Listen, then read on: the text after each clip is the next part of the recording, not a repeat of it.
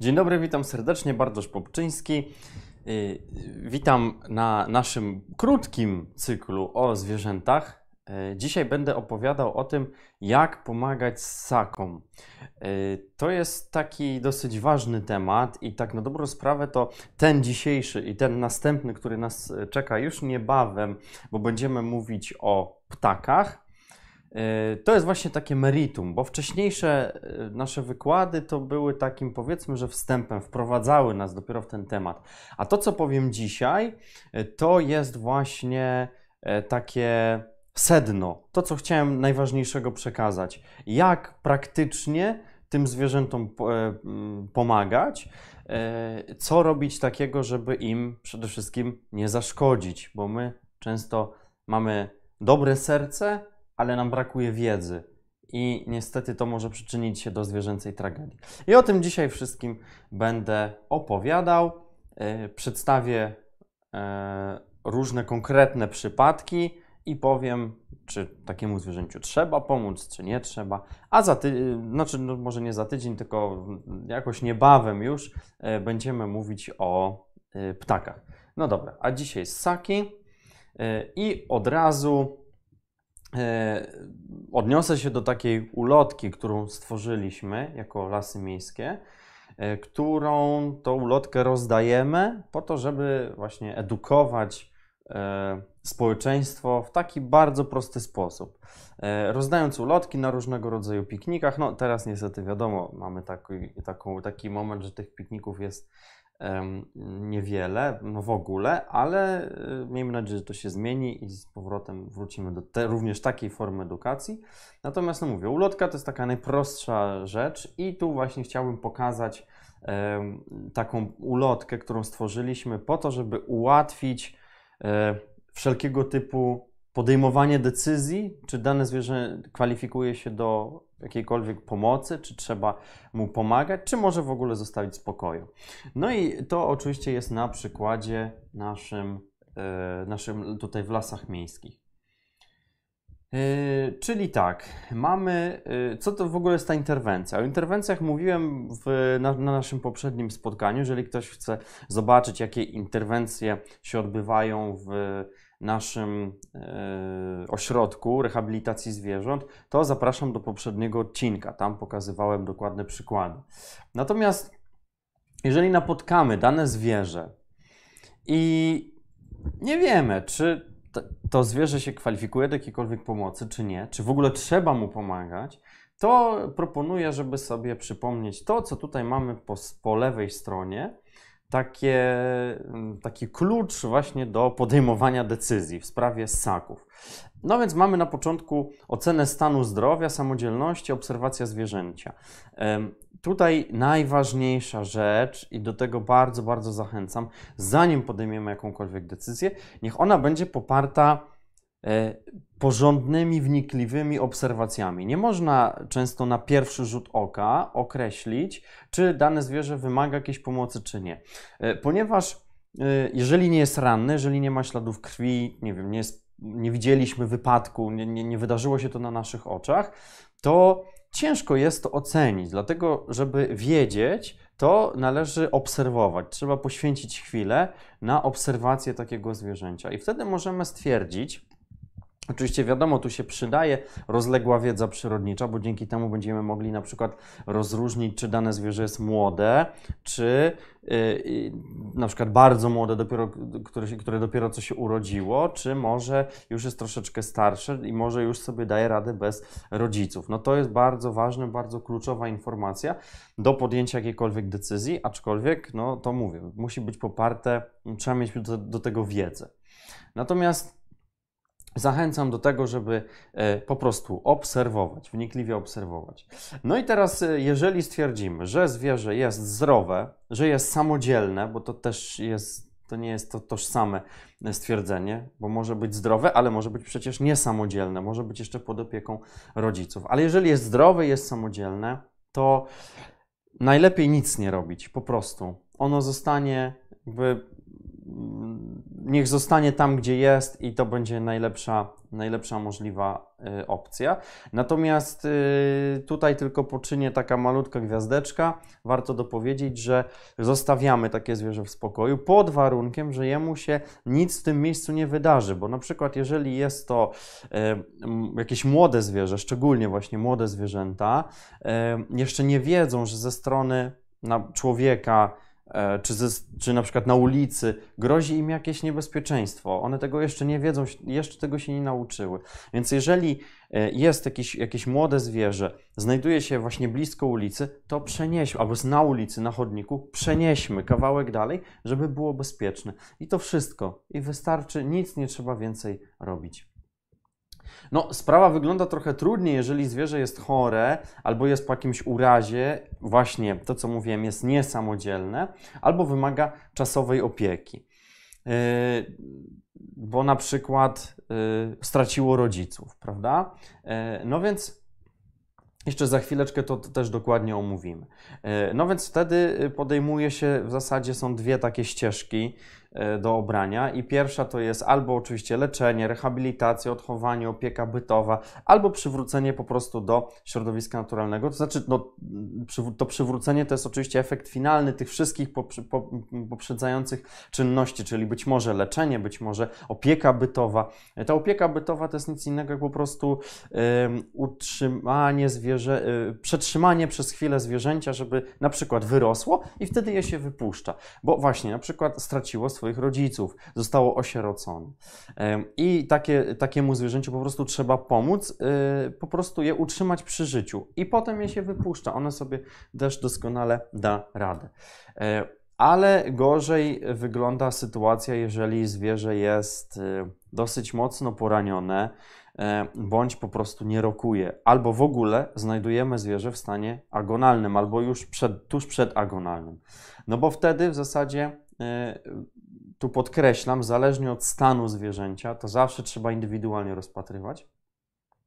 Należy mu po prostu skrócić cierpienie, czyli po prostu dokonuje się eutanazji. I o tym nie bójmy się mówić, bo niestety y, świat zwierząt, nasz też, nie jest tylko cukierkowy i w kolorowych barwach, ale też y, z eutanazją mamy do czynienia. Yy, I jest to jakby normalny proces i czasami jedyne rozwiązanie, jedyne wyjście, że po prostu trzeba mm, takie zwierzę mm, uśpić, yy, bo okazuje się, że no nie ma e, szans dla niego, żeby je uratować. I tutaj od razu też dopowiem, bo właśnie przy tej eutanazji to jest dosyć taka sprawa kontrowersyjna i wielu osobom się może nie podobać.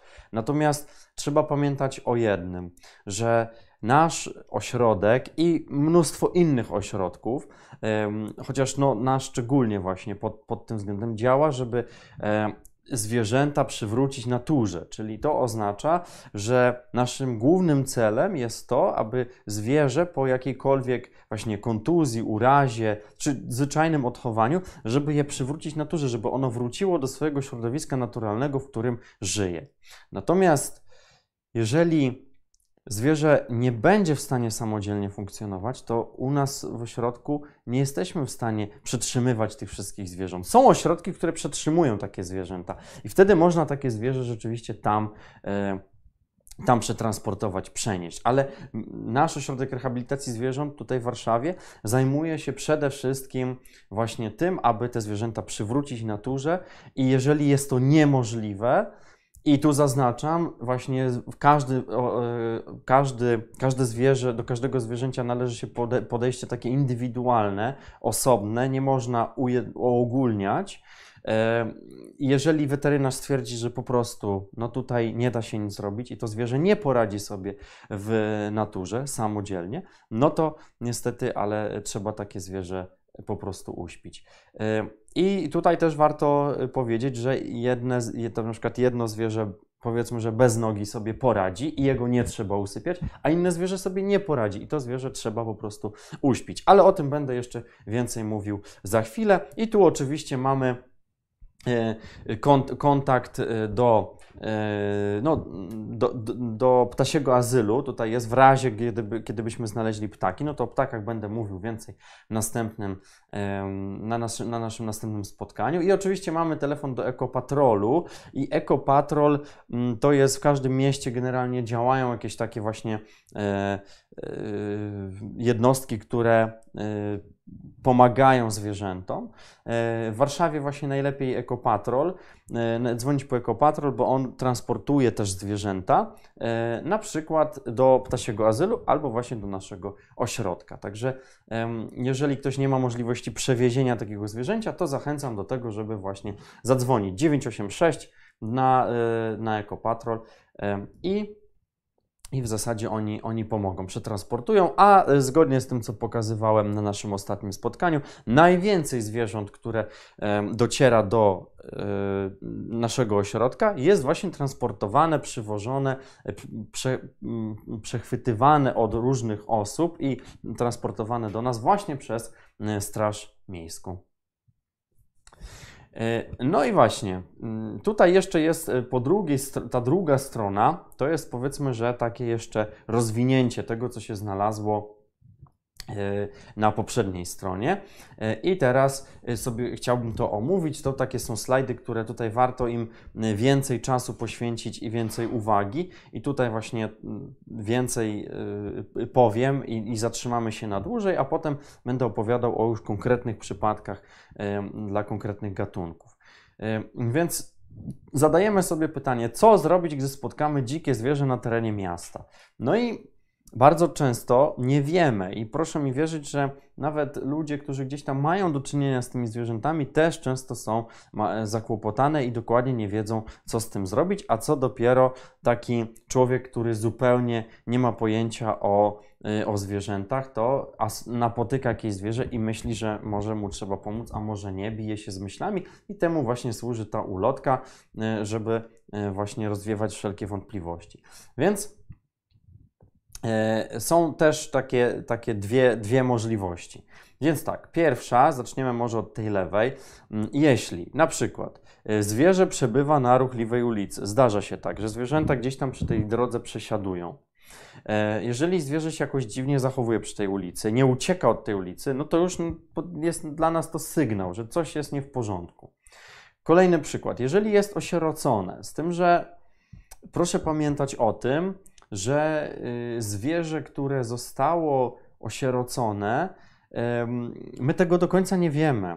Najlepiej, jeżeli widzimy, że gdzieś w pobliżu jest martwy rodzic. Najczęściej będzie to matka, oczywiście, która na przykład karmi młode, i wtedy te młode no, są skazane na śmierć. I im należy rzeczywiście pomóc ale nie należy zbyt pochopnie, zbyt szybko podejmować tej decyzji, bo może być ona bardzo, bardzo błędna i tylko się przyczynimy do tragedii tego zwierzęcia. I a co gorsza jeszcze, wyrządzimy krzywdę matce, bo ona będzie szukała tego zwierzęcia, tego, tego swojego dziecka, a i wyrządzimy też krzywdę właśnie temu młodemu zwierzęciu, ponieważ też de facto je skażemy na śmierć, tylko tyle, że to będzie czasami taka długa, śmierć, czasami nawet i z wycieńczenia, bo nie będziemy w stanie wykarmić takiego zwierzęcia. Więc należy się porządnie zastanowić. Jeżeli są wątpliwości, zawsze można zadzwonić do specjalistów. Tutaj numery są wytłuszczone. Co jeszcze? Kiedy zwierzę jest ranne, wykazuje objawy chorobowe? No właśnie, kiedy zwierzę, właśnie, chociażby na przykład kuśtyka, ma jakieś e, rany na sobie, jest byliśmy świadkami jakiegoś wypadku, wydarzenia z udziałem tego zwierzęcia i wiemy, że należy mu pomóc, to oczywiście to też jest taka sytuacja, kiedy wymaga od nas jakiejś interwencji. I jeszcze kolejna sytuacja, kiedy zwierzę przebywa na terenie zamkniętym i nie ma możliwości swobodnego wyjścia. Zdarza się tak dosyć często, że zwierzęta wchodzą na dany teren, ale już nie potrafią z tego miejsca wyjść. E, dlaczego? No, z różnych powodów. Czasami jest tak, że po prostu się prześlizgną, znajdą jakąś dziurę, albo na przykład, nie wiem, będzie brama otwarta, potem będzie brama zamknięta, prawda? Już z powrotem przez tą dziurę, którą odnalazły, nie są w stanie e, wyjść, bo na przykład jest to właśnie taka dziura, jakaś wnęka działająca, tak nazwijmy to jednokierunkowo, tak? I drugą stronę już jest ciężko, ciężko wyskoczyć. E, no różne są sytuacje, ale jeżeli takie zwierzę się gdzieś zabłąka, to też y, trzeba e, trzeba interweniować. I teraz co robić? Tak jak jest tutaj napisane, nie dotykaj, nie płosz, powiadam odpowiednie służby. I tak jak wcześniej to był ekopatrol, e, jak wcześniej pokazywałem, ale oczywiście za, zapraszam tutaj, no, na, jeżeli to jest mieście e, w Warszawie, no to e, oczywiście dzwonimy tutaj do nas, czyli do lasów miejskich. Są dwa takie dyżurne telefony do łowczych i oni właśnie są mobilni, przyjadą w każde miejsce Warszawy. E, no, ale co, y, jak na przykład zwierzę e, przebywa na terenie leśnym lub zielonym, po prostu. Jest, widzimy takie zwierzę. Albo co, jeśli jest młode, zdrowe, a matka przebywa w pobliżu i tą matkę na przykład widzimy. I ta matka gdzieś tam stoi sobie w oddali, albo na przykład tej matki nie ma to też jeszcze nie jest sygnał do tego, żeby zabierać takie zwierzę, żeby mu jak, jak, jakkolwiek pomagać. Bo ktoś może powiedzieć, no tak, ale przed chwilą Pan mówił, że tutaj, że jest osierocone, ale my jeszcze tego nie wiemy. Właśnie dlatego potrzebna jest ta wnikliwa obserwacja, żebyśmy my rozpoznali, czy to zwierzę, zwierzę faktycznie jest osierocone, czy nie. Czy do niego się zbliża jakiś e, rodzic, przychodzi, opiekuje się nim, czy nie. To jest bardzo, bardzo ważne. Co jeszcze? Jeśli jest zdrowe, nie ma widocznych urazów i jeśli jest po prostu samodzielne, jeśli jest młode, ale samodzielne, daje sobie radę, to oczywiście e, takich zwierząt nie zabieramy i tak jak mamy tutaj poniżej napisane, nie dotykaj, nie płosz i uwaga, najważniejsza rzecz, pozostaw na, w miejscu przebywania i oddal się. Po prostu. Zwierzęta nie chcą, żeby, żebyśmy my im towarzyszyli. E, żebyśmy im w zasadzie przeszkadzali, więc po prostu się usuwamy i tyle.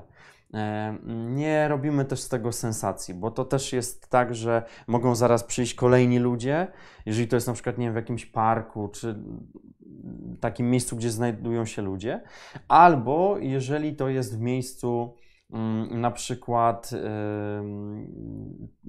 powiedzmy, że bezludnym, ale wiadomo, że zawsze trzeba się liczyć z tym, że są drapieżnicy. Oni są uważni i mogą właśnie, to możemy przez nasze złe zachowanie, możemy wskazać takim drapieżnikom, że tu jest potencjalna ofiara. Więc też nie należy tego robić.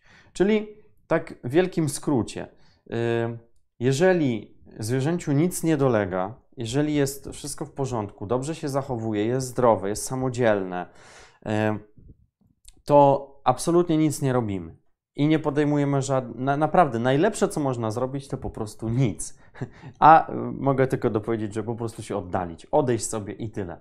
I możemy z czystym sumieniem odejść i powiedzieć: Tak, dobrze zrobiłem. Natomiast jeżeli e, widzimy jakieś dziwne zachowania, zwierzę ewidentnie potrzebuje jakiejś pomocy, to wtedy reagujmy, to wtedy właśnie działajmy.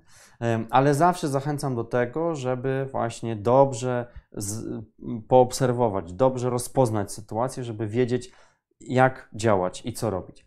E, I teraz e, jeszcze ostatnia, jeszcze, ostatnia jeszcze taka rada. Jeżeli nie wiemy, co danemu zwierzęciu do skwiera i mamy wątpliwości, zabierać, nie zabierać, pomagać, nie pomagać, coś robić, czy nic nie robić, zadzwońmy.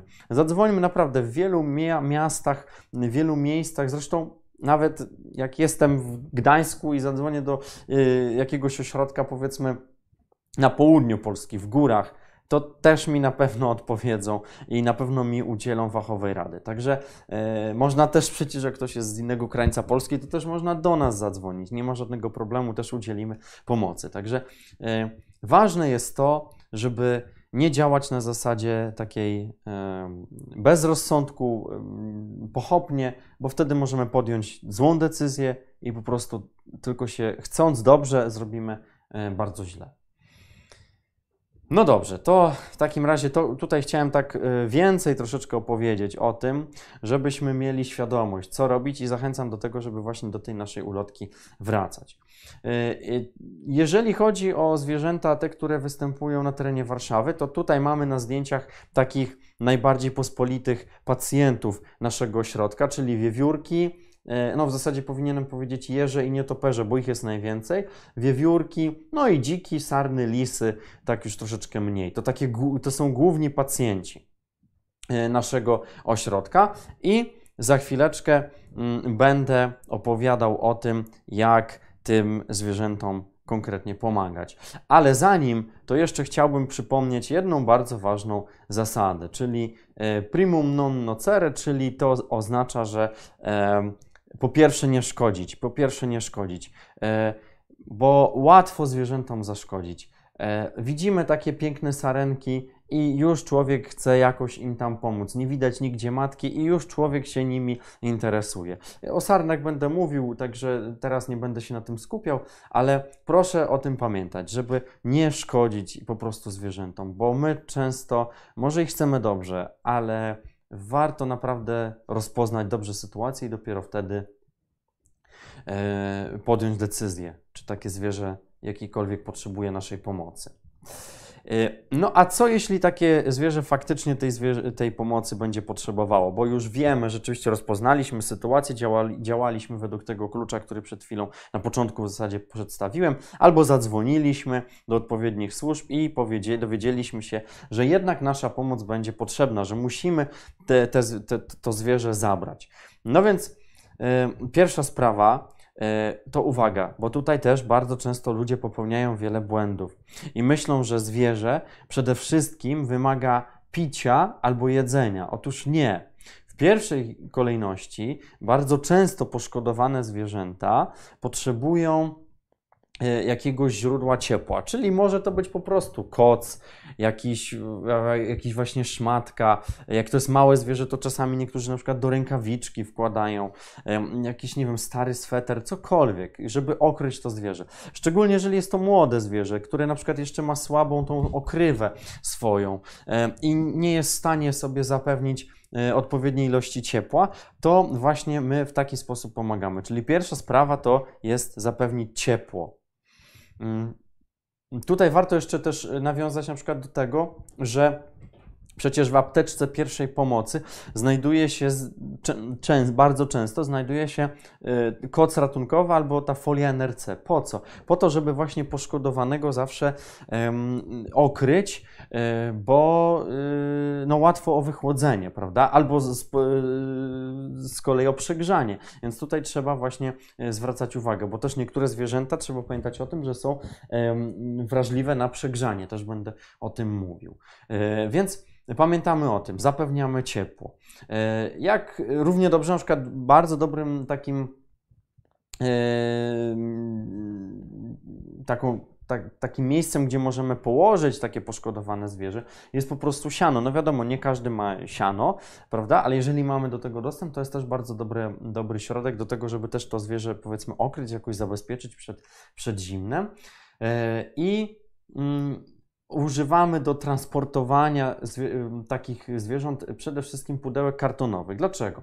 Bo, bo, na pudełku kartonowym można coś napisać. Na przykład, jeżeli pudełko jest przekazywane ze zwierzęciem z rąk do rąk, to można napisać, że zwierzę znalezione tu i tu, doskwiera mu to i to i tyle. I do odbiorcy, czyli najczęściej właśnie na przykład do nas, dociera takie pudełko, e, niekoniecznie od, e, od osoby, która E, która do nas przywiozła to zwierzę, bo to mówię, ta, ta, czasami te zwierzęta przechodzą różną drogę i my tak z trzeciej ręki to nie wiemy dokładnie o co chodzi. A tak jak jest napisane, to już wszystko wiadomo. Poza tym, wiadomo, no, o karton tekturowy nikt nie będzie prosił, żeby mu zwracać, więc to pod tym względem też jest to wygodne. No i jeżeli zwierzę, prawda, różne rzeczy się dzieją, jeżeli na przykład jest jakieś zakrwawione, prawda, no to wiadomo, to pudełko po prostu można później zwyczajnie spalić i tyle. I, i po prostu nic się złego nie wydarzy. I proszę pamiętać o tym, że jak już takie zwierzę zabierzemy i jemu zapewnimy te, to, to ciepło e, i spakujemy je do transportu, to mm, należy pamiętać, że e, żeby powiadomić, w zasadzie to na początku od razu już powiadamiamy odpowiednie służby, żeby żeby na przykład właśnie przyjechał, przyjechali po to, po, to, po to zwierzę, tak? E, albo właśnie, że jedziemy do nich i będziemy właśnie takie zwierzę dostarczać. To jest też bardzo ważne. A dopiero jak już to zrobimy, to dopiero wtedy e, może trzeba będzie właśnie to zwierzę napoić. E, ewentualnie, ale pamiętam o tym, żeby nie karmić, żeby nie dawać jakiejś tam karmy niepotrzebnie, nie wpychać też tym zwierzętom nic. I proszę jeszcze pamiętać o jednej bardzo ważnej rzeczy, żeby też e, zwierząt e, nie upychać w za małe jakieś kartony. Czy jak ktoś ma za mały karton, a chce do niego zmieścić, nie wiem, na przykład kunę, a ma taki, taki karton, prawda, i ona się tam nie, nie mieści, no to nie wpychamy jej tam, nie, nie ma sensu. Po prostu lepiej może poszukać czegoś innego do przetransportowania. E, także, no ale z kunami to też trzeba ostrożnie, bo e, to są no jednak drapieżnicy i też e, źródło może być różnych chorób, ale to będę o tym mówił. No dobrze, to teraz w takim razie omówimy sobie mm, poszczególne, poszczególne grupy zwierząt, poszczególne gatunki i chciałbym tutaj właśnie powiedzieć o tym, co robić? Co robić przy konkretnym zwierzęciu? No to teraz tak. W takim razie zaczniemy od nietoperzy e, i e, będziemy szli w zasadzie od tych najmniejszych zwierząt do tych największych, dlatego na początku nietoperze. Nietoperze często są właśnie ofiarami kotów, e, mają różnego rodzaju na przykład urazy błony, albo no, są wycieńczone przez upał, albo też zdarzają się, zdarza się tak, że wlatują do mieszkań. Wlatują po prostu do mieszkań i takich, takich przykładów jest całkiem, całkiem sporo. I proszę pamiętać o tym, że i to są jakby takie najczęstsze, yy, najczęstsze sytuacje, kiedy my możemy mieć do czynienia z nietoperzami. Yy, oczywiście nie tymi, które sobie luźno latają na niebie, tylko właśnie takimi, które gdzieś tam coś im doskwiera. To właśnie najczęściej są takie sytuacje. No i najważniejsza rzecz w przypadku nietoperzy to trzeba pamiętać, że właśnie mogą być wektorem wścieklizny, czyli y, należy je chwytać przez rękawiczkę. E, najlepiej i to nie przez lateksową, bo tam lateksowa to nas nie za bardzo ochroni, tylko taką grubszą, taką powiedzmy na przykład skórzaną, jakąś taką spawalniczą, prawda? To, to, to, to właśnie są tego typu, do, do, do, do, do pszczół, prawda? Na przykład, o, to są tego rodzaju albo z grubej gumy, takie, takie, takimi rękawicami. Ale uwaga, trzeba pamiętać jeszcze o jednej bardzo ważnej rzeczy, że to są malutkie zwierzęta, bardzo, bardzo delikatne i łatwo je uszkodzić, bo my mamy też y, troszeczkę upośledzone czucie w takich y, grubych rękawicach, więc trzeba być też bardzo y, ostrożnym. No i cóż, właśnie, jeżeli zdarzy się tak, że taki nietoperz jest wycieńczony przez upał, to należy mu oczywiście go napoić. I jeżeli jest też potrzeba, to czasami można właśnie nakarmić. Najlepiej oczywiście larwami, na przykład właśnie larwy owadów to są najlepsze najlepsze, ale tutaj na przykład ja wyszczególniłem właśnie te larwy mącznika. I jeżeli znajdziemy w środku dnia takiego nietoperza, to jego nie wypuszczamy, tylko poczekajmy z nim do zmroku. I kiedy nadejdzie zmrok, wtedy go wypuszczamy i on może sobie spokojnie y, polecieć, ale mm, należy pamiętać, że no musi być pełni sprawny, tak? No nie możemy nietoperza, który ma, mm, jest jakiś, jakoś połamany, prawda, to, to, to go tak po prostu podrzucić i tyle, e, bo on sobie nie da rady. E, I też są właśnie tu wspomniane są urazy błony. Teraz jak to z tą błoną jest? No jeżeli czasami ona jest tak uszkodzona, tak naderwana, że ona nie jest w stanie y, spełnić swojej funkcji, czyli po prostu nie jest, nie stanowi siły nośnej dla nietoperza i nietoperz nie poleci. Roze, na, przy rozerwanej mocno błonie niestety nietoperz nie poleci. Więc jeżeli to są młode, znaczy jakieś małe, takie drobne uszkodzenia, to oczywiście możemy takiego nietoperza y, wypuścić. Y, I Właśnie, pamiętajmy o tym, że nietoperze to są zwierzęta przecież hibernujące. Do nas bardzo dużo właśnie w okresie tym jesienno-zimowym trafia nietoperzy, bo one się gdzieś tam, prawda, do, do mieszkania komuś gdzieś tam weszły. Na przykład dużo, całkiem sporo yy, do nas trafia ze śródmieścia, czyli praktycznie z, ze ścisłego centrum Warszawy. Sporo tych nietoperzy właśnie do nas trafia. Yy, I proszę pamiętać o tym, że to są właśnie zwierzęta, które hibernują, które gdzieś wchodzą w różne zakamarki naszych domów, ale nie należy się jakoś szczególnie tym, tego bać, tego obawiać, tych nietoperzy. To są zwierzęta, które nam wielkiej krzywdy naprawdę nie zrobią i proszę pamiętać o tym, że, e, że nie wplątują się nam we włosy, jak to niektórzy mówią, i nie piją też ludzkiej krwi. To warto o tym pamiętać. Yy, a odnośnie pamiętania, to ja muszę powiedzieć, że też mówiłem, że zrobię taki model nietoperza, w którym pokażę, dlaczego one zawisają do góry nogami. Yy, cały czas o tym pamiętam, ale niestety się przyznam, nie miałem kiedy tego zrobić. Mam nadzieję, że to yy, uda mi się niebawem Państwu zaprezentować i pokazać dokładnie, dlaczego właśnie nietoperze mogą spać do góry nogami. Ale na razie jeszcze niech to pozostanie taką ciekawostką. Tyle jeśli chodzi o nietoperze. Oczywiście mamy czat aktywny, jeżeli ktoś by chciał o coś jeszcze dopytać, czego ja na przykład nie wyjaśniłem, jak są jeszcze jakieś wątpliwości, to proszę śmiało zadawać pytania e, i ja będę, ja będę oczywiście e, odpowiadał. Mm, także tutaj nie ma żadnego problemu. No dobrze, to przechodzimy dalej. I kolejne zwierzę. Kolejne zwierzę, które wygląda dosyć dziwnie, bo zupełnie nie przypomina tego dorosłego zwierzęcia. E, myślę, że mogą Państwo podejrzewać, co to jest za zwierzę. E, ale dlaczego nie przypomina w ogóle swojej dorosłe, dorosłej postaci, do rodziców? Dlaczego? Ponieważ nie ma na swoim ciele kolców. E, czyli już wiadomo, że mamy do czynienia z jeżem oczywiście. To jest młody jeż, tak wygląda młody jeż zaraz po urodzeniu. On tych kolców praktycznie w ogóle nie ma, ma w ogóle takie różowawe ciało. E, I no właśnie, dlaczego też trafiają do nas jeże? Do, do, do, dlaczego ludzie je przynoszą? No więc e, tak, są to na przykład ofiary kolizji, e, albo są to takie jeże, które zostały poturbowane przez psy, zabrane gdzieś tam z lasu, wykopane właśnie z miejsca, gdzie hibernowały. Także to są no, częste przypadki. Bardzo często są to też zwierzęta niestety pokaleczone przez kosiarki. One się gdzieś ukrywają w trawie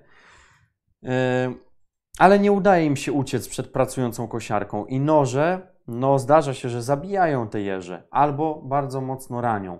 Te jeże właśnie trafiają do, do nas. Co jeszcze? Też są przynoszone czasami całe rodziny, takie karmiące matki lub będące w ciąży. I teraz uwaga, bardzo ważna rzecz, bo są tacy, mm, tacy ludzie, którzy sądzą, że jeżeli przyniosą takiego jeża, do naszego ośrodka, to taką właśnie samicę e, z młodymi na przykład, to my się tam nimi zaopiekujemy i będzie wszystko w porządku. I to lepiej je tam, tam zanieść, prawda? Bo ona sobie tam, nie wiem, nie da rady.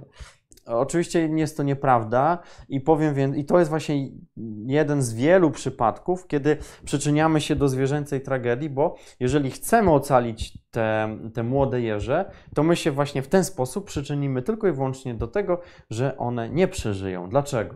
Ponieważ dla nas, e, dla ośrodka, dla pracowników ośrodka jest to bardzo trudne zadanie, żeby te, e, te jeże wykarmić jest to szalenie trudne zadanie, ale nawet jeżeli nam by się to udało, to uwaga, to może być zaskoczenie, ale tak się dzieje.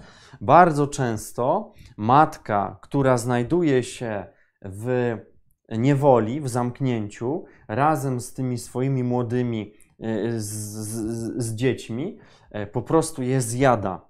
To ja wiem, że to jest dosyć, dosyć dziwne i dla nas niepojęte, ale tak się dzieje. To jest normalne zachowanie w świecie zwierząt. I wydaje się to bardzo takie, może niehumanitarne, nieludzkie, ale to jest po prostu taki sposób też na przetrwanie. I y, Niezwykle często to się zdarza w przypadku jeży, y, także y, odradzam, generalnie odradzam przynoszenie. Co innego, jeżeli są ranne, to już jest inna sytuacja, prawda? I wymagają jakiejś interwencji, ale jeżeli im nic nie doskwiera, jeżeli wszystko jest w porządku, to je naprawdę zostawmy w spokoju. E, oczywiście, jeżeli samica też urodzi w takim w niewoli, będąc w niewoli, to też bardzo często zdarza się tak, że po prostu zje te młode. E, no i cóż, co jeszcze? Również trafiają młode, które e, urodziły się jesienią i one są bardzo lekkie, bo ich masa wynosi tak właśnie od 150 do 300 gramów i to jest zdecydowanie za mało, żeby przetrwać zimę hibernując.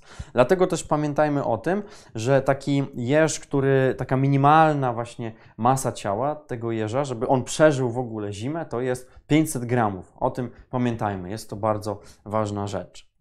E, no właśnie, tutaj tak wygląda karmienie takiego jeża. Proszę zwrócić uwagę, to jest bardzo mała buteleczka. Ten jeż to jest w zasadzie wielkości kciuka, dosłownie, on jest wielkości kciuka dorosłego człowieka.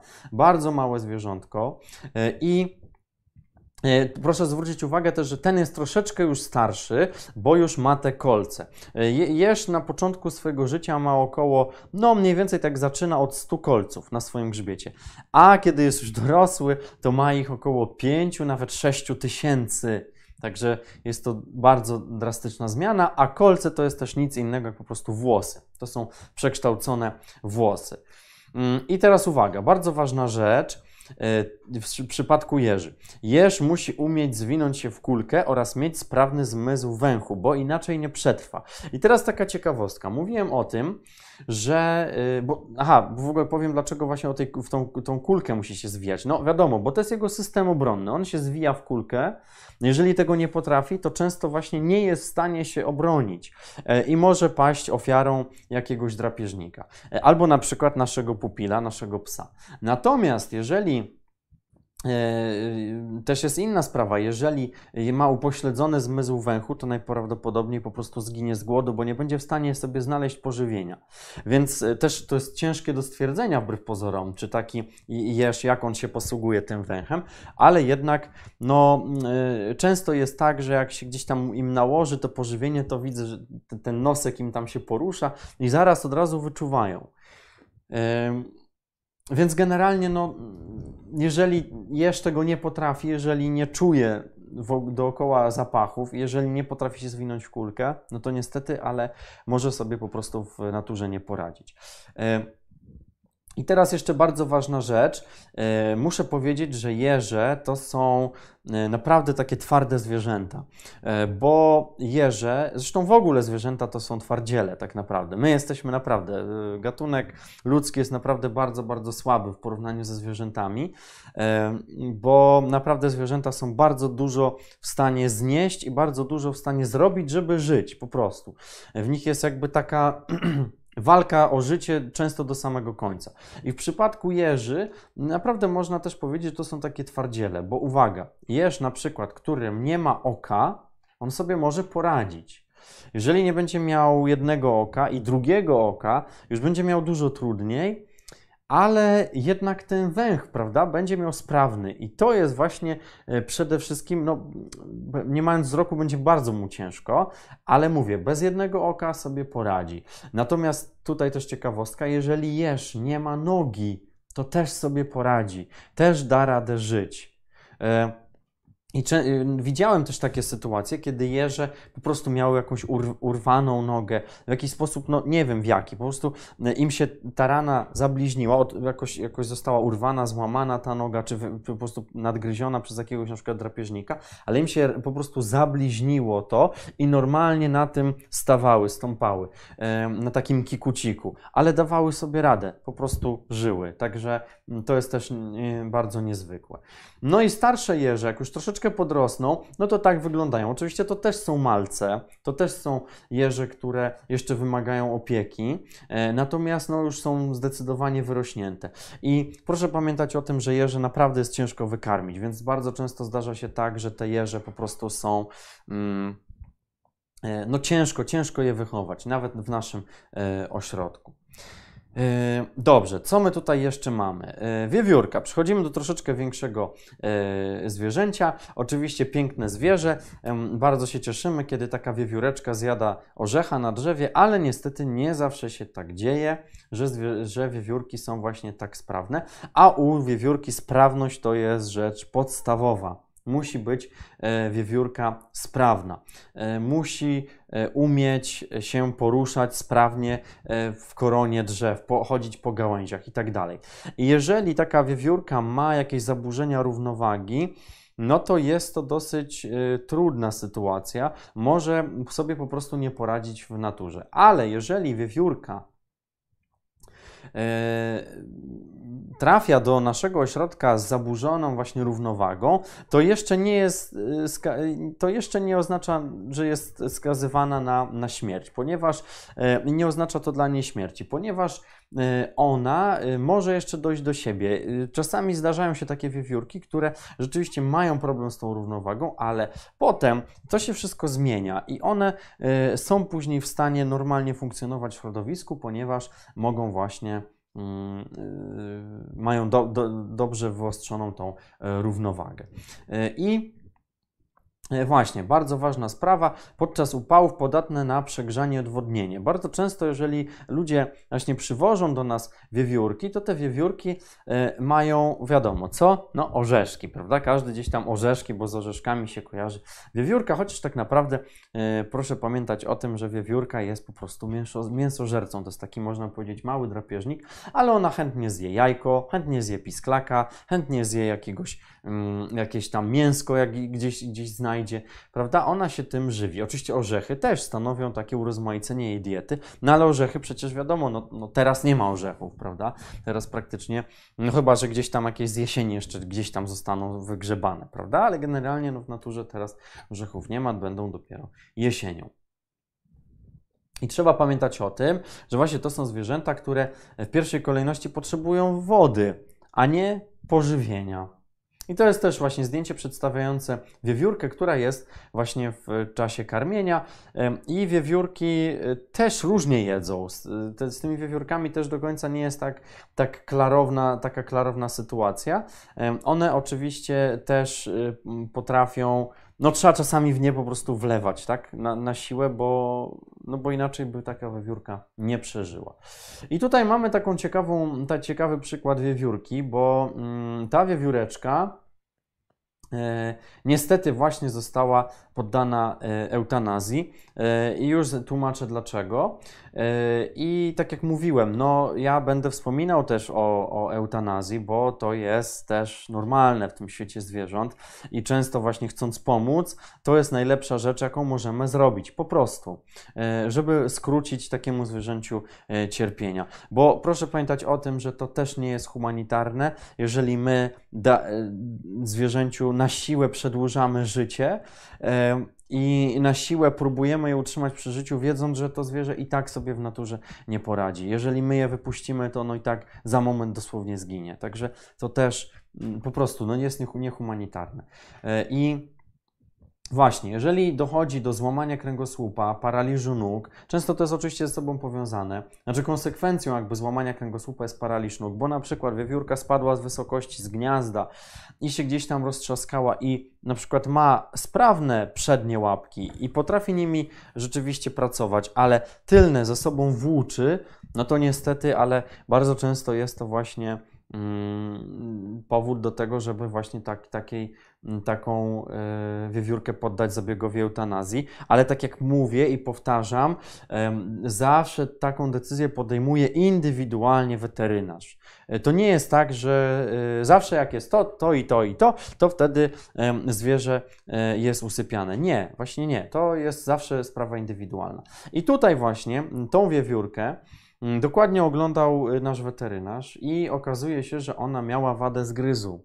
I ona niestety miała źle jej rosły zęby, i niestety okazuje się, że to jest też wskazanie do eutanazji e, w przypadku właśnie Y, wiewiórek, ponieważ one niestety nie są w stanie pobierać pożywienia, nie poradzą sobie z tym. Więc niestety no, takie, ta, ta wiewiórka by sobie akurat nie poradziła. Ale jeszcze raz zaznaczam, to był indywidualny przypadek, tak? Tutaj weterynarz się wziął, dokładnie obejrzał, ale ta y, wiewiórka miała coś jeszcze innego. Ona akurat nie miała złamanego kręgosłupa ani paraliżu nóg, ale niestety miała bardzo silne zaburzenia równowagi do tego stopnia, że nie potrafiła utrzymać równowagi równowagi na płaskiej powierzchni. Czyli tu jakbyśmy ją na stole e, postawili, to ona się przewracała. Ona co chwila się przewracała.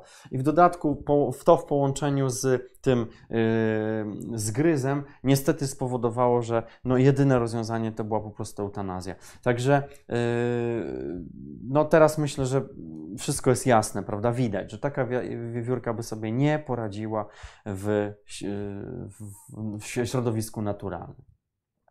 Idziemy dalej. Zając. Często jest tak, że zające do nas trafiają, e, bo właśnie troskliwi ludzie przynieśli je, bo siedzi sobie taki osamotniony zajączek. No i właśnie tutaj jest to, co będę dzisiaj powtarzał jeszcze wiele razy. Nie ruszamy, nie zostawiamy, po prostu zostawiamy go, matka przyjdzie i go nakarmi. Trzeba pamiętać o tym, że młode zające są karmione mniej więcej dwa razy na dobę, czyli wcale nie tak często e, i trzeba o tym pamiętać i my u nas w ośrodku oczywiście one są na początku, w tym, tej pierwszej fazie, jak są, trafiają do nas, są bardzo młode, to mm, są karmione troszeczkę częściej, ale potem rzeczywiście tylko mniej więcej te dwa razy na dobę. E, I mm, też właśnie tutaj taka ciekawostka, tak jak jeże na przykład, mm, albo e, wiewiórki są niezbyt podobne do swoich rodziców. Tak młody zajączek jest w zasadzie taką małą kopią swojego rodzica. Także tutaj akurat też jest widoczna taka różnica, prawda? Tutaj mamy bardzo podobne zwierzę do e, swojego rodzica, a z kolei właśnie u wiewiórek czy u jeży to, mm, to to w zasadzie jest nie, no, ciężko nawet czasami rozpoznać do tego stopnia, że jak pytałem czasami dzieci i pokazywałem im zdjęcie młodziutkiej e, wiewiórki, to e, mówiły, że to jest myszka. Także nie, ciężko było rzeczywiście rozpoznać. I oczywiście właśnie, dlaczego te zające są do nas przynoszone? Bardzo często dlatego, że one sobie cichutko siedzą gdzieś w trawie e, i czekają na swoją mamę, bo to jest właśnie ich strategia przetrwania. Taką czasami właśnie zwierzęta stosują strategię, ale my po prostu często właśnie będąc nadgorliwi albo nie mając dostatecznej wiedzy, zabieramy te zwierzęta zupełnie niepotrzebnie. A proszę pamiętać o tym, że odchowanie zająca jest niezwykle trudne. Bardzo trudno jest takiego młodego zajączka odchować, e, ponieważ mleko zaj, za, zają, zajęcy jest e, bardzo wysokokaloryczne.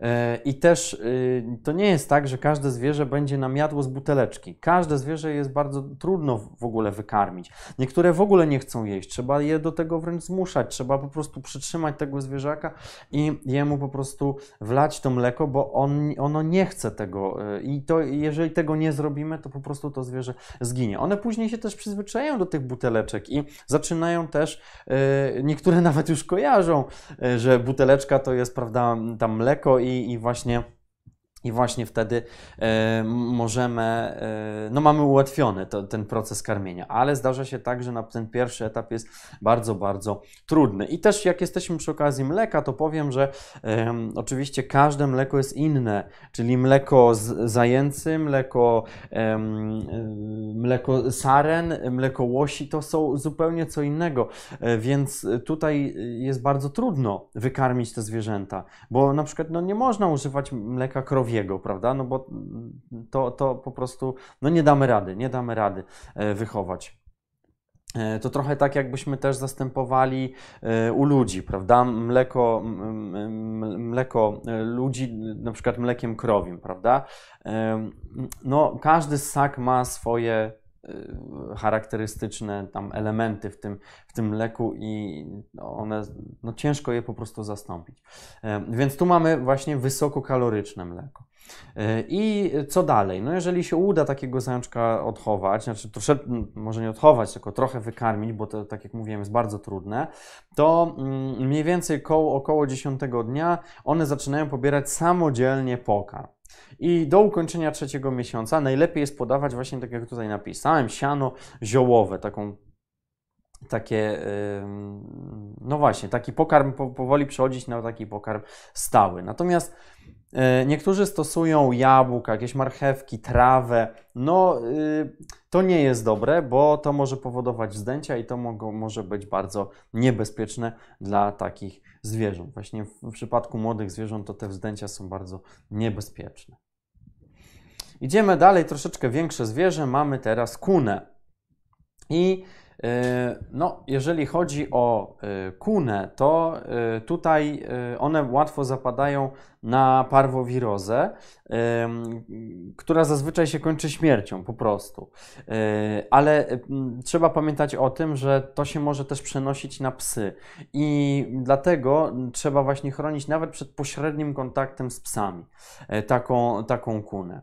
E, I podobnie jak w przypadku lisów, ja będę też o tym mówił, zdarzają się też przypadki zarażenia świeżbowcem. To jest bardzo taka, taka mm, no, choroba, która dosyć jest powszechna e, u tych zwierząt i niestety wtedy trzeba pamiętać o tym, że należy bar, w ogóle unikać, nawet nie ograniczać, ale unikać dotykania takich, takich kun swoimi rękami.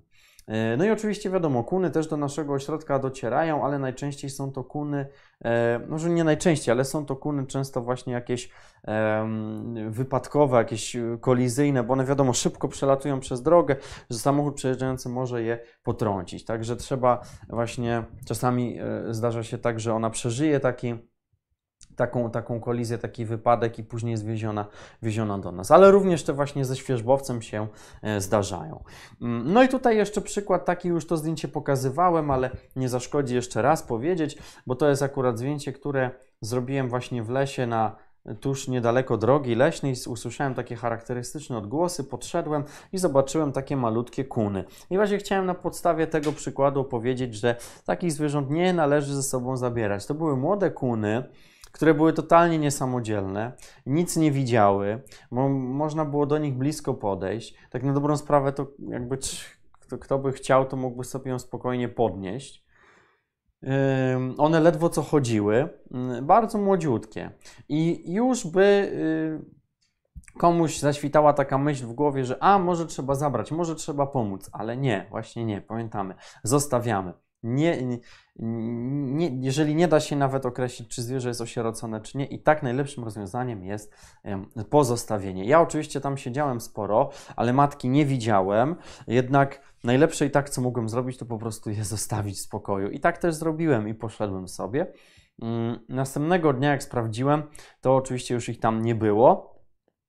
E, ale y, co ciekawe, też nie było żadnych niepokojących śladów, że coś się z nimi złego stało. Także y, wydaje mi się, że po prostu mama je odnalazła, nakarmiła zapewne i gdzieś sobie przewędrowały. Wolno, bo wolno, bo takie kuny początkowo wolno chodzą, a potem dopiero uzyskują tą swoją niezwykłą sprawność.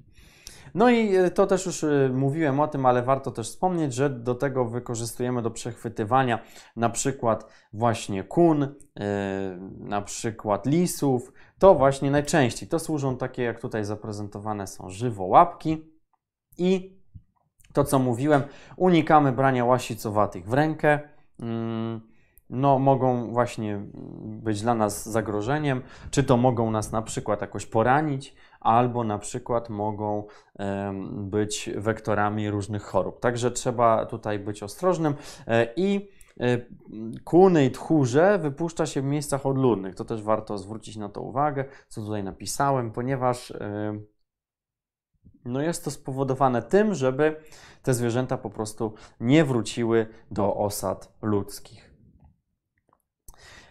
I kolejne zwierzę mamy teraz borsuka. Jeżeli chodzi o borsuki, to e, wśród e, ludzi mm, panuje taka, takie przekonanie, że borsuków jest stosunkowo mało, albo w ogóle sporadycznie występują w miastach, albo nie tylko w miastach, w ogóle w lasach. Ale dlaczego tak się dzieje? Ponieważ to są zwierzęta wybitnie nocne, prowadzą nocny tryb życia, unikają w ogóle ludzi, nie chcą mieć z nimi za bardzo kontaktu. I tutaj powiem taką ciekawostkę, jak będzie, mm, a mam nadzieję, że będzie, że spotkamy się kiedy będę opowiadał o nocnym życiu w lesie, bo, ju, bo już został taki temat e, podrzucony przez jednego z naszych słuchaczy i bardzo mi się spodobał i chciałbym go dla Państwa zrealizować i powiedzieć, jak wygląda las nocą, to oczywiście będę mówił o borsuku.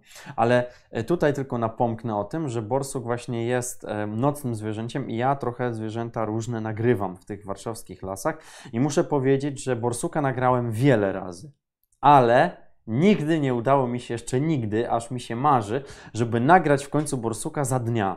Zawsze jak nagrywam, to myślę sobie, dobrze, no to może teraz się uda. Może teraz jest ten moment, że gdzieś tam mamy teraz jeszcze o godzinie 20 jasno, prawda? Ale i tak wychodzi to wszystko strasznie ciemne i borsuki w ogóle czekają jakby do zmroku i dopiero wtedy się pojawiają. Także no mi nigdy się jeszcze to nie udało. Mam nadzieję, że może się jeszcze to kiedyś uda. Ale to taka ciekawostka. Natomiast, y, no właśnie, to są zwierzęta bardzo terytorialne, w związku z tym też trzeba je wypuszczać, jeżeli zostały gdzieś tam złapane, odłowione, to trzeba je wypuszczać w to samo miejsce, gdzie zostały y, odłowione. E, I y, no, z racji tego, że są terytorialne, to toczą ze sobą walki i rany odniesione w tych e, walkach mogą być na tyle dotkliwe, że właśnie taki borsuk będzie potrzebował pomocy. Poza tym wiadomo, kolizje z samochodami, nocne zwierzę, wyjdzie gdzieś na drogę, kierowca nie zauważy, pach i już borsuk jest ranny albo nawet co gorsza i zabity. Także E, no niestety, to się zdarza w przypadku borsuków oraz wiadomo, pogryzienia przez psy różnego rodzaju zatrucia. Jakby to często doskwiera właśnie e, borsukom. Chociaż borsuk wbrew pozorom też potrafi mm, być dosyć e, silny, i mogą też borsuki dotkliwie pogryźć. Proszę zwrócić uwagę, to bardzo lubię to zdjęcie, ponieważ pokazuje E, z jednej strony takiego pięknego, takiego misia puchatego, e, takiego sympatycznego. Proszę zwrócić uwagę na ten taki ładny języczek. Tutaj ten borsuk sobie wypuścił ten języczek. Śmiesznie to tak wygląda, ale z drugiej strony, przy tym całym e, uroczym obrazie borsuka, proszę zwrócić na jego tutaj pazury. Te pazury są naprawdę niesamowitą bronią e, i trzeba pamiętać o tym, że jest to naprawdę e, bardzo silne zwierzę i chociaż waży niewiele, to naprawdę potrafi też mocno dosyć zacisnąć. Ostatnio mieliśmy też przykład e, właśnie jak borsuk, pewien człowiek został pogryziony przez borsuka, który trafił do naszego ośrodka. E, ja też parę razy byłem pogryziony przez borsuka i muszę przyznać, że naprawdę byłem zdziwiony, jaka siła drzemie w tym zwierzęciu, bo jest naprawdę, naprawdę jest to zwierzę, które potrafi nam wyrządzić krzywdę. I mnie y, borsuki na przykład gryzły po y, tutaj ścięgnach Achillesa. Y, kiedyś chyba nawet też pokazywałem, że miałem tutaj rozdartą koszulkę. Y, też właśnie e, przez, to, to było dzieło borsuka. też mnie właśnie chwycił tutaj kiedyś za ramię, jak się schyliłem, z, złapał mnie także i też poranił. Także to jest naprawdę zwierzę, z którym już no, trzeba być ostrożnym. Trzeba, bo może nam naprawdę wyrządzić jakąś, jakąś krzywdę. Mm. No właśnie, a tutaj widać też, że borsuk jest sprytnym zwierzęciem, bo i potrafi też e, właśnie nauczyć się chodzić na przykład po, e, po kratkach. Także borsuk jak się śmiejemy, że jak nie dołem, to górą ucieknie, ale jakoś zawsze da radę, bo przecież też świetnie kopie. Nory borsuka przecież są bardzo takie zawiłe korytarze, niesamowicie kręte e, pod ziemią tworzy także zwierzę, które mm, no bardzo ciekawe, bardzo ciekawe, ale też właśnie trudne w obserwacji ze względu na ten nocny tryb życia. Mm, I tutaj mam takie zdjęcie właśnie pokazujące, kiedy to wypuszczaliśmy takiego borsuka do nory. I yy, właśnie, trzeba pamiętać o tym, że y, borsuków, szczególnie właśnie borsuków, nie, nie należy trzymać w takich zamkniętych, zbyt małych klatkach, yy, ponieważ one mogą się rzucać, mogą się rzucać, mogą doznać po prostu obrażeń. Kiedyś miałem też taką sytuację, widziałem coś takiego, że po prostu taki borsuk się tam rzucał, szamotał i chciał uciec i niestety, ale właśnie troszeczkę się pokiereszował w takiej klatce. Klatka, e, właśnie dlatego ważne jest to, żeby klatka nie była dla niego za mała, ale to dotyczy oczywiście wszystkich zwierząt, nie tylko borsuków, ale w ogóle wszystkich zwierząt. To co mówiłem wcześniej, też jakieś tam kuny czy innego zwierzęcia nie pchamy do takiego jakiegoś małego pudełeczka. No i lisy teraz. E, idziemy coraz do coraz większych zwierząt. Więc tak jak wspomniałem przy okazji kun, często zdarzają się przypadki zarażenia świeżbowcem. E, to jest coraz, e, co, coraz częstszy przypadek, e, także o tym trzeba pamiętać, że no, lisy są najczęściej kojarzone z tą wścieklizną, ale tutaj na terenie u nas miasta w Warszawie to jednak najczęściej to jest ten świeżbowiec i to jest nie tylko zmiany skórne, ale również i wewnętrzne, we, we, organowe, takie wewnątrz organów. Także, także trzeba o tym pamiętać i to jest naprawdę, naprawdę y, taka nękająca choroba właśnie e, lisy. I no właśnie, lisy są w zasadzie takim popularnym zwierzęciem, już w zasadzie są praktycznie, można powiedzieć, wszędzie. W miastach też oczywiście się pojawiają, na ogródkach działkowych, gdzieś no w różnych miejscach naprawdę. E, I cóż, no, e, trafia, bywają, e, bardzo często bywają ofiarami kolizji i często niestety wtedy je trzeba już usypiać. Zdarzało się tak, że do, do nas na przykład trafiały takie lisy, które były po kolizji drogowej i niestety nie, no już do nas docierały w stanie agonalnym. Albo nawet zdarzały się takie sytuacje, kiedy do nas docierały lisy i niestety, ale te lisy po prostu już przyjeżdżały do nas martwe, te właśnie pokolizyjne. Także to jest niestety, no też taki, mm, one się kręcą też często właśnie przy drogach, więc no właśnie, tak bywa. E, ale też czasami są właśnie zatrute, chore, tak, e, teraz właśnie temat wścieklizny e, jest dosyć taki nagłośniony, bo rzeczywiście są, e, są przypadki, także trzeba na to zwracać szczególną uwagę. Mm, obiecywałem też, że pokażę lisy, które się bawią, takie młode lisy. Często właśnie też młode lisy to bardzo pięknie wyglądają. Tak słodziutko, takie są urocze i też aby się chciało je zabrać. Kiedyś mi koleżanka opowiadała, jak to kto, jakaś jedna pani przyniosła takiego liska małego z lasu, bo chciała mu właśnie w cudzysłowie pomóc. No i tak mu pomogła, że go po prostu odciągnęła od matki i ten młody taki lisek stęskniony ze swoją mamą całą noc wył. Ja nie pamiętam już jak ta historia się skończyła, ale no siedział taki lisek w klatce i po prostu cały czas wył, bo tęsknił za swoją mamą. Także pani po prostu, no mówię, wykazała się brakiem wiedzy, zabrała tego lisa, zupełnie pochopnie to zrobiła, nie zastanawiając się nie, i niepotrzebnie. No i oczywiście lis, no wiem tylko tyle, że ten lis oczywiście już swojej mamy nie odnalazł, tak, także no niestety, to są też takie smutne właśnie, smutny finał mają często te akcje. To akurat są dwa lisy, które się bawiły przy noże, oczywiście im nic nie dolegało, były w pełni zdrowe, radosne i szkoda, że właśnie, mm, a może kiedyś pokażę Państwu właśnie ten film, jak one tutaj hasają sobie, bo to udało mi się nagrać. No a niewyraźne zdjęcie, dlatego że właśnie pochodzi z filmu. Aha, i jeszcze to warto zwrócić uwagę na to, co tutaj napisałem, że młode lisy są szczególnie podatne na infekcje wirusami atakującymi psy. Taki sześciomiesięczny lis y, już wtedy osiąga zupełnie taką samodzielność i waży około mniej więcej 3,5 kg. Także bardzo mało, no, to jest powiedzmy lekki kot, tak, tyle, tyle waży i bo koty mogą znacznie więcej, a ten właśnie E, ten, ten, ten zwierzak już jest właśnie w takim wieku i o takiej masie już jest samodzielny.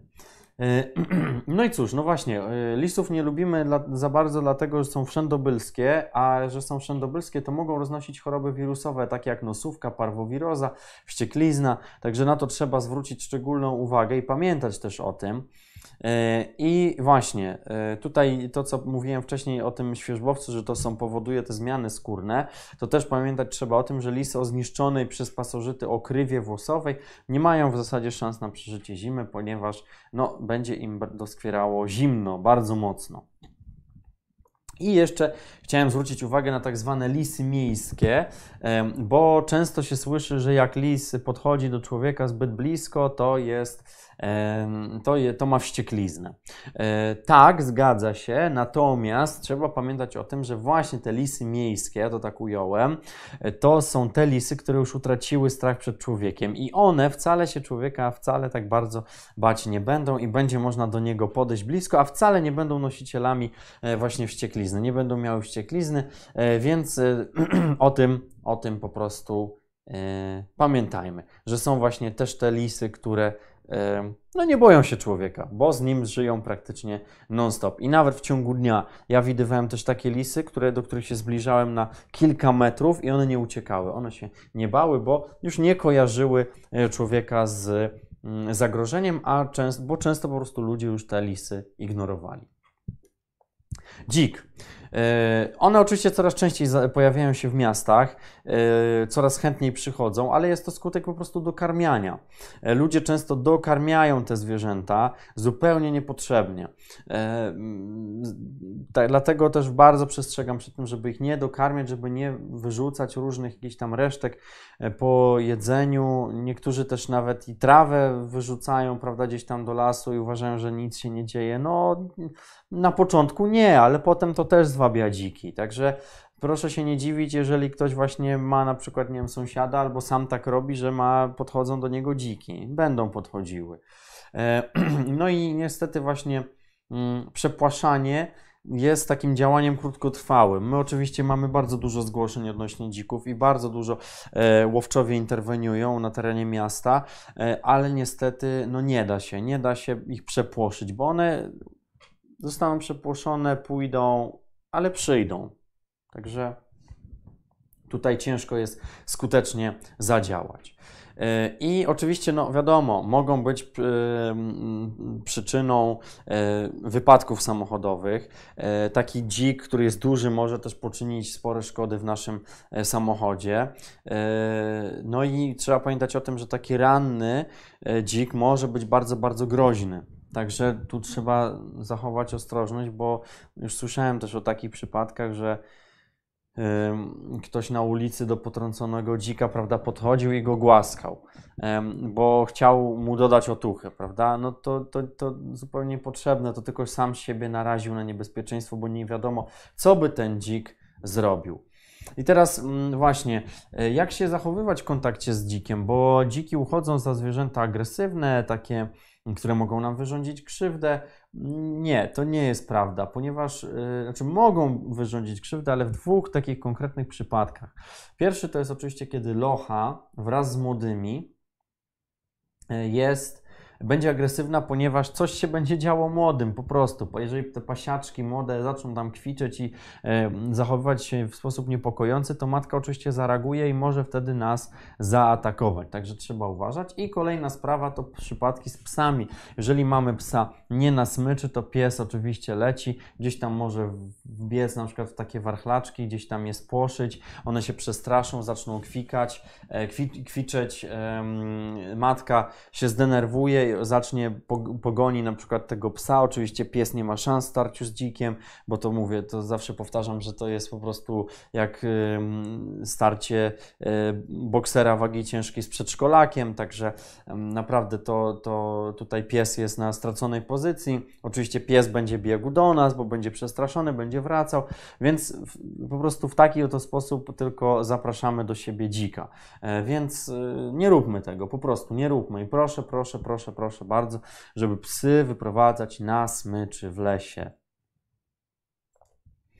E, tak jak napisałem, dzików nie należy dokarmiać, tak? E, bardzo często są właśnie dziki dokarmiane jako tak zwana atrakcja turystyczna e, w tych nadmorskich kurortach. Tam bardzo często właśnie mm, to się odbywa. Chyba takim najbardziej znanym miejscem to są Międzyzdroje i Krynica Morska. To są takie właśnie e, miejsca, takie miejscowości nadmorskie, gdzie tych dzików jest masa i one chodzą e, po ulicach wchodzą ludziom na posesję, a do tego się przyczynili ludzie, a szczególnie właśnie turyści, którzy sobie przyjechali na wakacje, dokarmili dziczka, zrobili sobie może z nim nawet zdjęcie, albo jemu tylko zdjęcie zrobili, bo był blisko, bo jadł z ręki, prawda, taka atrakcja w drodze na plażę.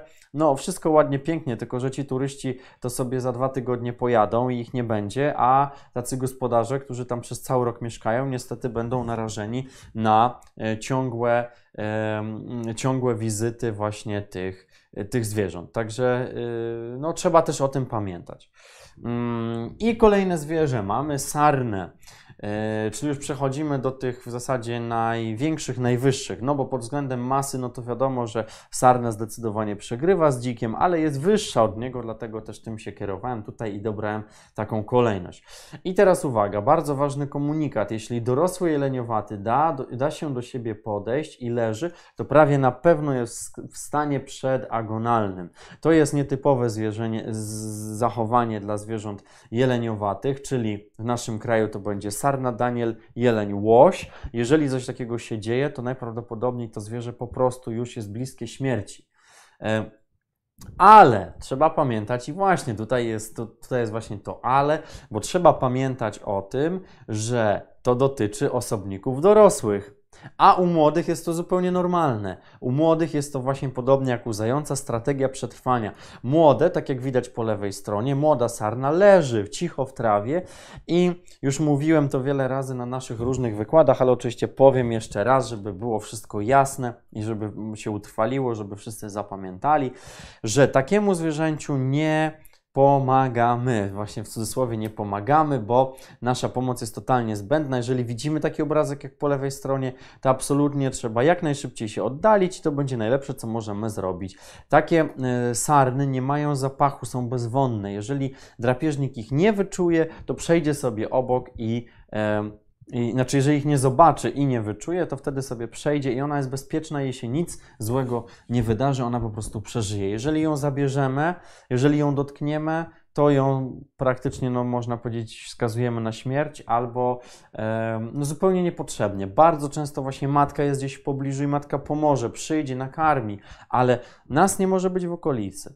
E, I niestety zdarza się tak, że te sarny do nas trafiają. W zeszłym roku było ich ponad 10 takich maluszków właśnie, przyniesionych, nawet kilkudniowych. I y, no to niestety dla nas też jest trudne zadanie. My akurat mamy na to sposób, bo karmimy oczywiście kozim mlekiem, bo jest powiedzmy, że najbardziej zbliżony. Na kozim mleku da się wychować właśnie te, mm, te sarenki. Natomiast y, one też się rzucają, nie chcą jeść, są płochliwe, uciekają. Trzeba im też czasami na siłę dawać to jedzenie. Także E, proszę, apeluję i powtarzam, i pewnie będę jeszcze wiele, wiele lat powtarzał, bo to się rokrocznie powtarza, ale nie zabieramy samotnie leżących saren, młodych saren, tak? Bo tak jak mówiłem, te dorosłe sarny prawdopodobnie są właśnie w tym stanie przedagonalnym, albo na pewno coś z nimi jest nie w porządku. Natomiast z tymi sarnami z tymi młodymi jest zupełnie odwrotnie. E, pocieszające jest jednak to, że w zeszłym roku mieliśmy około 10, ponad 10 saren w naszym ośrodku. W tym roku jest jak na razie jedna. Także oby tak dalej. E, miejmy nadzieję, że tą młodą też da się wykarmić i te, po prostu ją kiedyś wypuścimy. E, sarny, które są widoczne na zdjęciu, ja już niestety dokładnie nie pamiętam, ale część z nich, na pewno część z nich dożyła do, do, był, stały się pięknymi sarnami, takimi o powiedzmy tej wysokości. E, i e, zostały wypuszczone. Zostały wypuszczone. Miejmy nadzieję, że do dnia dzisiejszego sobie, że do dzisiaj żyją e, i e, mają się dobrze. Oby tak właśnie było.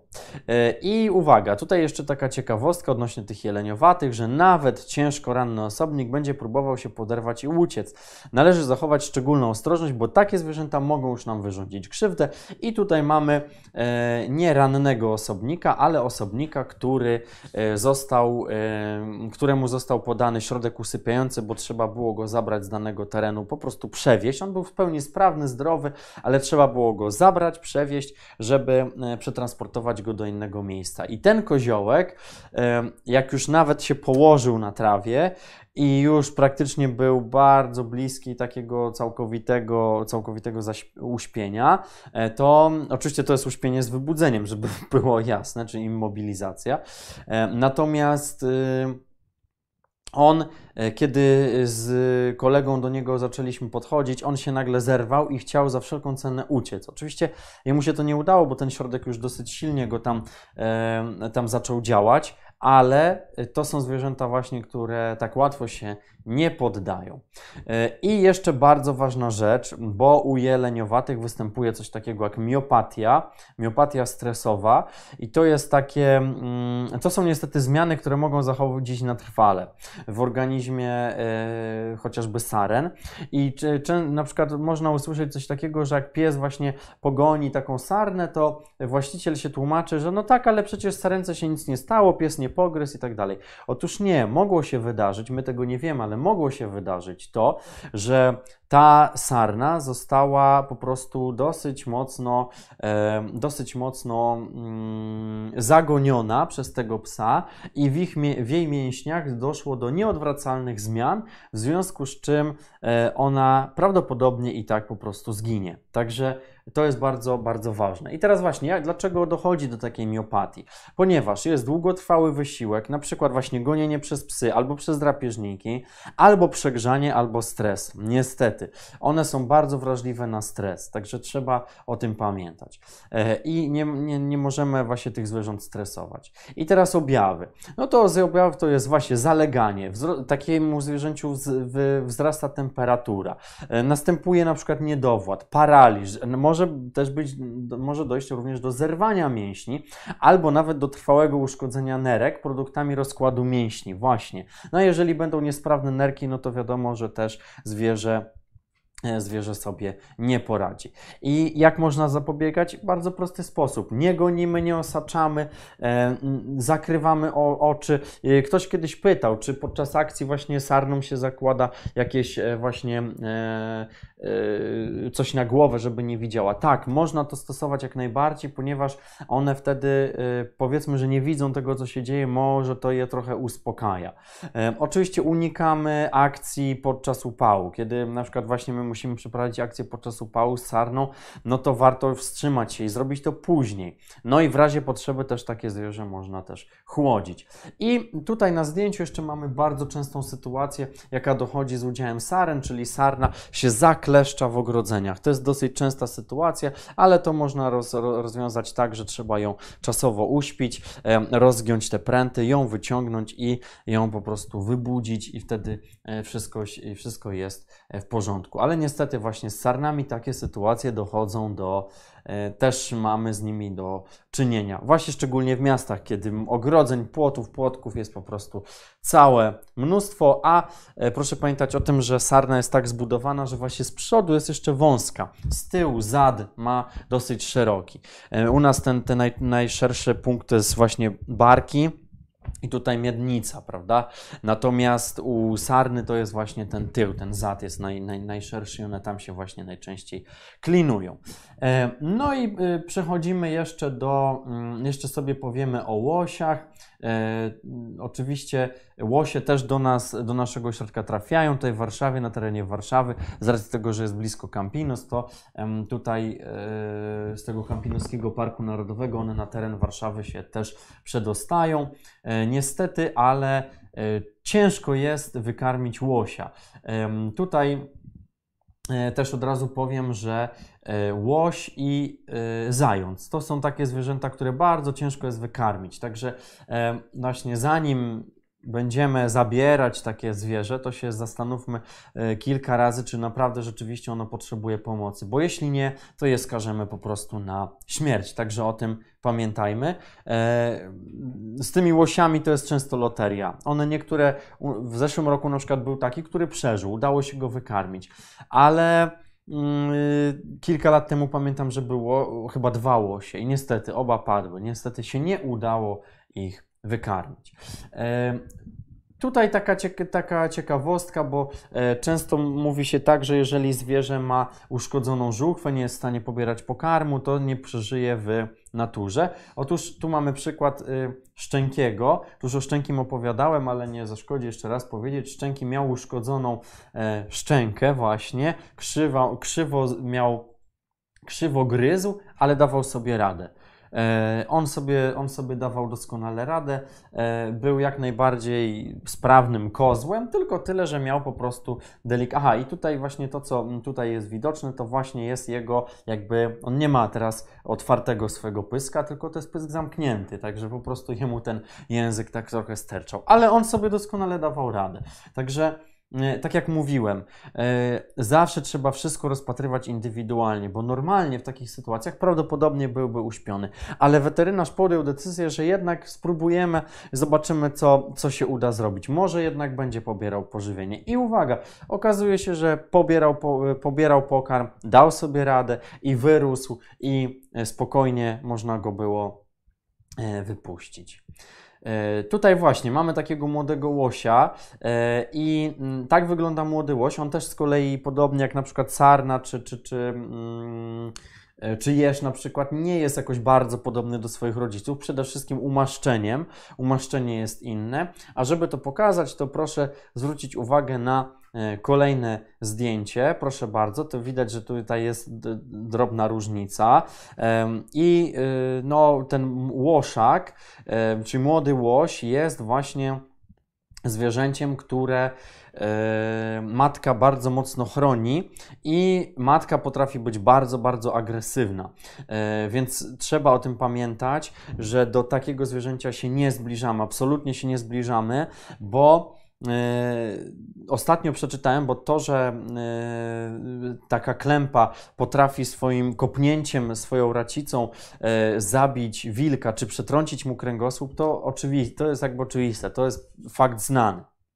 Ostatnio się dowiedziałem, że nawet niedźwiedzie nie mogą się czuć bezpieczne w kontakcie z łosiami, ponieważ łoś też może takiemu niedźwiedziowi wyrządzić krzywdę. Także no, jeżeli niedźwiedziowi jest w stanie wyrządzić krzywdę, to nawet nie mówmy, co dorosłemu człowiekowi zrobi, bo jestem, jestem przekonany, że po prostu roztrzaska nam czaszkę i tyle. Także e, pamiętajmy o tym, że tutaj, o ile w przypadku poprzednich wszystkich zwierząt, no może z wyjątkiem jeszcze dzika, zbliżanie się do, do, młody, do młodych powiedzmy, że jest raczej dla nas e, w miarę bezpieczne. Mówię w miarę, bo to nigdy nie wiadomo, jak zwierzęta zareagują. O tyle zbliżanie się do lochy i do klępy jest bardzo niebezpieczne. Dlatego nie róbmy tego po prostu, żeby nie sprowadzać na siebie niepotrzebnego, niepotrzebnego zagrożenia.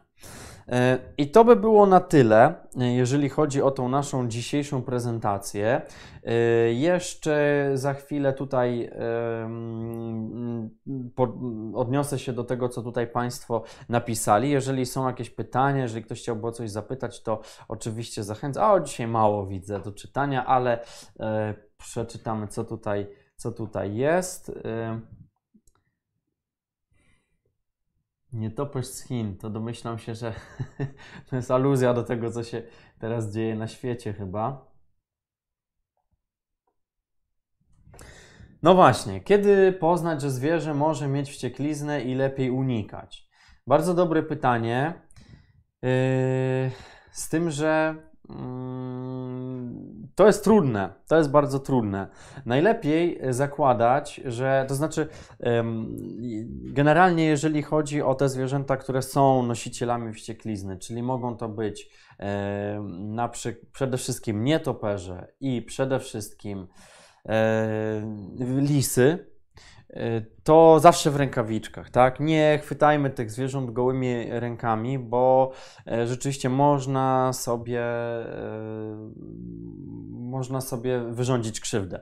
Mm, także pamiętajmy o tym, żeby tego nie robić. A jak to w ogóle rozpoznać? Rozpoznanie jest bardzo trudne e, i rzeczywiście jednym z symptomów jest chociażby to, że zwierzę na przykład właśnie, no w przypadku nietoperza to nie damy rady i tego nigdy nie wiemy. W przypadku lisa, e, no to niestety, ale mm, właśnie, no chociażby to, że lis się dziwnie zachowuje, podchodzi bardzo blisko, prawda, do nas, nie boi się.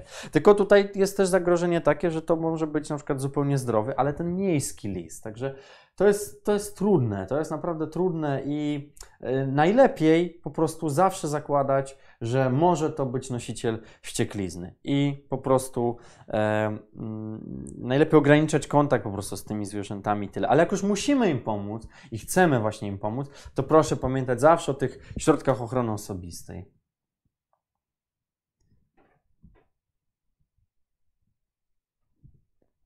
A, no tak, y, tutaj Carmelo pisze, że myśleli, że to pies, turyści zabrali z lasu szczenie wilka. Tak, to też się zdarza. E, mało tego, właśnie mm, cieszę się, że ten komentarz został tutaj, że Carmelo tutaj napisał ten komentarz, ponieważ e, ponieważ e, niestety, ale częstym procederem jest to, że, że e, wilki są e, albo mylone, albo na przykład celowo zabierane. Celowo zabierane, mało tego, słyszałem też o takich przypadkach, że później są sprzedawane jako psy w ogóle, lisy, wilki. Także tak, to jest. Y, czasami to wcale nie jest takie proste, żeby odróżnić właśnie wilka od psa. E, czasami one są naprawdę łudząco podobne, także jest to, jest to trudna sprawa. E, I właśnie zawsze należy być takim powściągliwym w podejmowaniu tej decyzji, bo można tylko, jeszcze raz powtarzam, można naprawdę wielką krzywdę zwierzętom wyrządzić. I mam nadzieję, że tutaj będą słuchać to, co, to, co opowiadam, to będą słuchali też, słuchały też inne osoby, może niekoniecznie związane z przyrodą, bo domyślam się, że Tutaj to e, przede wszystkim słuchają szczególnie na żywo ci, którzy rzeczywiście są żywo zainteresowani przyrodą, co mnie bardzo cieszy. Natomiast jeżeli to, co mówię teraz, trafi do wielu innych osób, to proszę właśnie pamiętać o tym, że, żeby tych zwierząt nie zabierać za szybko, żeby zawsze obserwować, patrzeć, rozpoznać, dzwonić, pytać, jeżeli jesteśmy niepewni. To jest naprawdę najlepsze, co możemy zrobić. Czy rosomak to krewny borsuka? Yy, powiem tak, rosomak to jest zwierzę, które żyje na Syberii. Yy, jeżeli dobrze pamiętam, z tym, że tutaj yy, mogę się mylić, od razu to dzisiaj sprawdzę, jak tylko się skończy ten nasz wykład. Ale jeżeli dobrze pamiętam, to rosomak należy też do rodziny łasicowatych, podobnie jak i borsuk, czyli E, wychodzi na to, że byłaby to wspólna jakaś linia genetyczna, natomiast y, obszarowo, no wiadomo, u nas rosomaki nie występują, ale chyba wiem, dlaczego pojawiło się to pytanie, tak podejrzewam, bo mówiłem o tym, że borsuk jest bardzo, bardzo silny, e, a rosomaki też z tego słyną, że to są niezwykle, to są takie małe niedźwiedzie, można by powiedzieć. E, I I rosomak rzeczywiście jest bardzo silnym zwierzęciem. E, jest takim symbolem siły, właśnie. Borsuk może aż tak silny nie, na pewno tak silny nie jest, ale E, też naprawdę można się zdziwić, co potrafi to zwierzę e, wyrządzić. E, ale ja oczywiście, jeżeli tutaj coś się pomyliłem, to oczywiście się poprawię następnym razem i sprawdzę jeszcze tego rosomaka. Także no mówię, ja też się dokształcam cały czas, także tutaj mm, to jest trochę inna strefa, więc też wszystkich zwierząt wiadomo nie znam, tylko się skupiam głównie na tych, które tutaj mamy u nas w Polsce. Kocham ten kanał, bardzo się cieszę, że są tacy fani. To proszę oglądać dalej. E, kolejna część, tak jak już zapowiedziałem, będzie o ptakach. Piątek wieczór to mało. A, mam rozumieć, że nam e, za mało, żeby zadać pytania. A to śmiało proszę pytać, po to, po to jestem, żeby odpowiadać na pytania. Czy pomagać jenotom? To przecież zwierzęta obce w naszej faunie.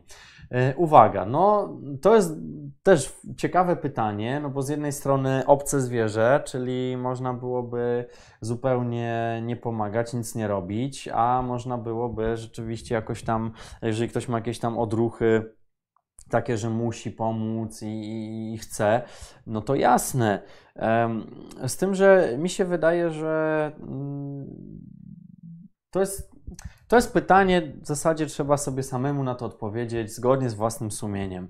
Jeżeli ktoś uważa, że w ten sposób ratuje e, polską faunę, że nie pomaga tym jenotom i dobrze robi, to ok, ale jeżeli ktoś uważa, że zobaczy jakiegoś rannego jenota, prawda, i mu pomoże, bo dla niego jest ważne, nie, nie chodzi o, nie wiem, populację, czy w ogóle o całą polską faunę, prawda? Tylko o konkretnego tego osobnika jednego i chcę mu, chcę mu pomóc, e, to wydaje mi się, że to jest też jak najbardziej dobry odruch, tak? No to jest trudne pytanie, bardzo też takie kontrowersyjne, bo właśnie z jednej strony jest to obcy gatunek w naszej faunie.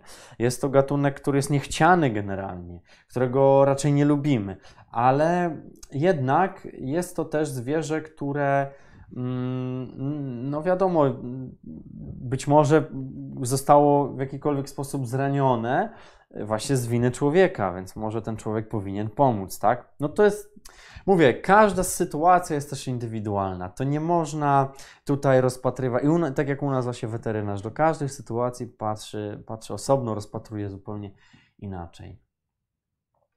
No dobrze, nie ma więcej pytań. Widzę, że się nic już nie pojawia. Yy, bardzo serdecznie dziękuję za dziś. Yy, I cóż, zapraszam na kolejną naszą, yy, kolejne nasze spotkanie. To już będzie ostatnie spotkanie. Zapraszam wszystkich fanów przyrody, dzikiej przyrody oraz oczywiście ptaków. Wszystkich, którzy lubią zadzierać swoją głowę yy, w stronę nieba i patrzeć, chociaż nie tylko w stronę nieba, bo właśnie będziemy o tym mówić, że też czasami trzeba e, popatrzeć pod nogi właśnie w tym okresie, okresie lęgowym i wtedy właśnie e, zerknąć. E, A właśnie, tak. e, Czy doczytałem o tej olejcy? w- Dobrze się pojawiło, bo już miałem się żegnać, ale jeszcze się pojawiło o olejcy, e, o krówce. E, Tak, doczytałem i oczywiście e, z tego co pamiętam, to chyba Nadleśnictwo do Lidy chyba e, opublikowało ten, tego posta, który to właśnie przez który zawrzało trochę w internecie i oni się później tłumaczyli, że jednak popełnili błąd, że nie do końca tak jest, że tutaj e, trochę za bardzo rozdmuchali tą całą, całą sytuację, a wiadomo, później media podchwyciły i tak dalej. Także czasami można lepiej sprawdzić informacje i e, zobaczyć, czy rzeczywiście jest prawdziwa i czy rzeczywiście dane zwierzę jest tak dużym zagrożeniem, że trzeba o tym informować i robić całą w ogóle tutaj e, taką wrzawę w internecie zupełnie niepotrzebnie okazuje się. Także e, tutaj tak, e, ta olejca to rzeczywiście trochę, e, trochę było głośniej o przyrodzie. Może to i dobrze. Może to i dobrze, że za sprawą właśnie tej olejcy trochę ludzie więcej mówili o przyrodzie. No dobra, ale fajnie, dziękuję za czujność. E, To tyle. Także bardzo serdecznie dziękuję. E, W czerwcu widzimy się na ptakach, e, a później zobaczymy, co będzie, bo sam jeszcze nie wiem. Bardzo serdecznie dziękuję i do zobaczenia.